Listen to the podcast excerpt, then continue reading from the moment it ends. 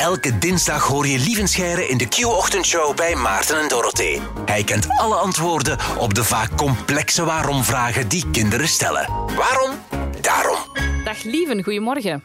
Een zeer goedemorgen. Vanavond eh, ook de laatste aflevering helaas van Scheiden en de Schepping op Play 4. Maar we hebben al een nieuwe portie lieven, want uh, ja, afgelopen zondag is ook de Code van Koppes weer begonnen, waarin jij ook altijd wat uitleg geeft over hoe de, de escape rooms werken en zo. Um, ik vind dat zo cool, ook altijd lieven, hoe jij al die dingen uitlegt. Zijn er soms nog dingen die je nog niet wist tot je ze daar zag of moest uitleggen?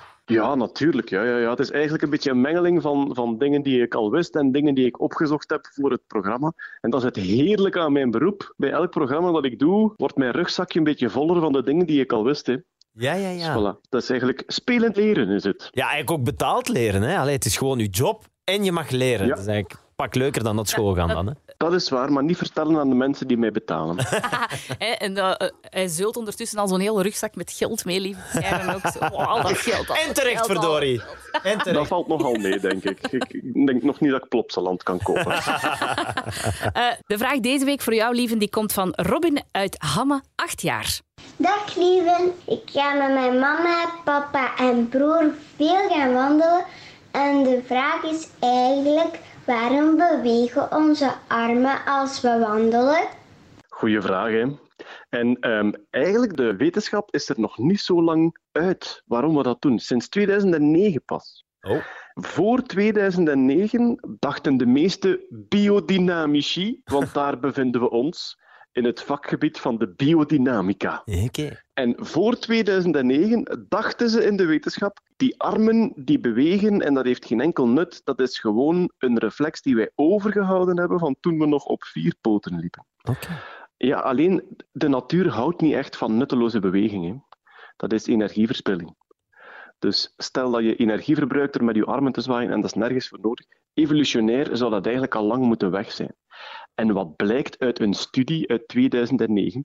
We bewegen met onze armen tijdens het wandelen, omdat we daardoor minder energie nodig hebben. Dat moet je eens uitleggen, want dat klinkt heel bizar. Als je meer beweegt, zou je toch meer energie moeten verbranden? Inderdaad, het is echt zo. Het gaat een beetje tegen onze intuïtie. We doen een extra beweging om minder energie te verbruiken.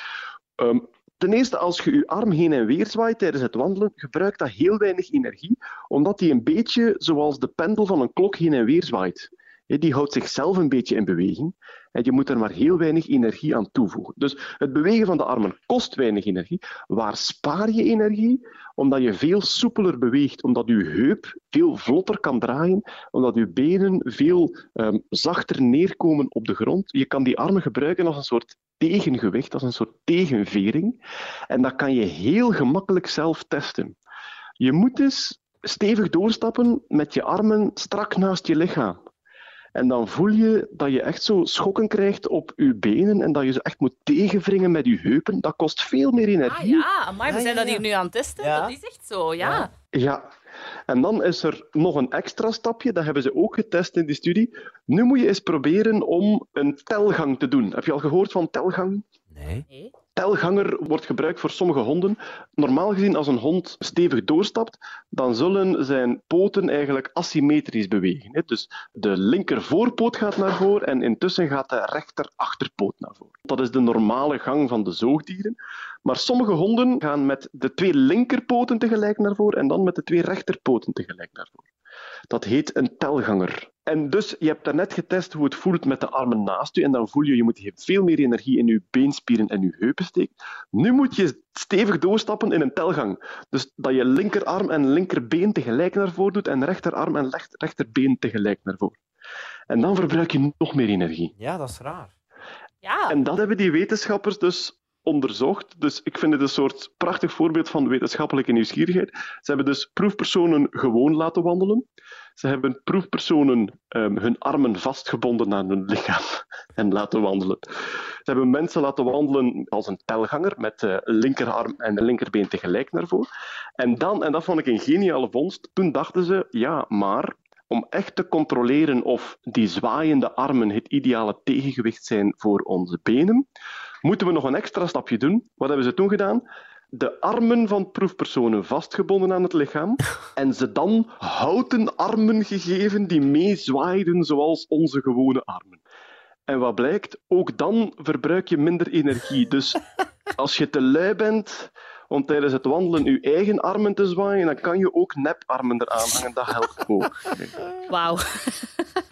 Heel interessant, lieve Scherre. En dus, samengevat. Waarom bewegen onze armen als we wandelen? Omdat we door het bewegen van onze armen minder energie verbruiken in onze benen. Zeer leerrijk en we hebben nog nooit zo raar gewandeld in deze studio. Waarvoor dank, lieve Scherre. Tot volgende week. Salut. Joop! Dit was Waarom Daarom. Luister ook naar de andere afleveringen van deze podcast. Maarten en Dorothee hoor je elke ochtend van 6 tot 10 bij Q-Music.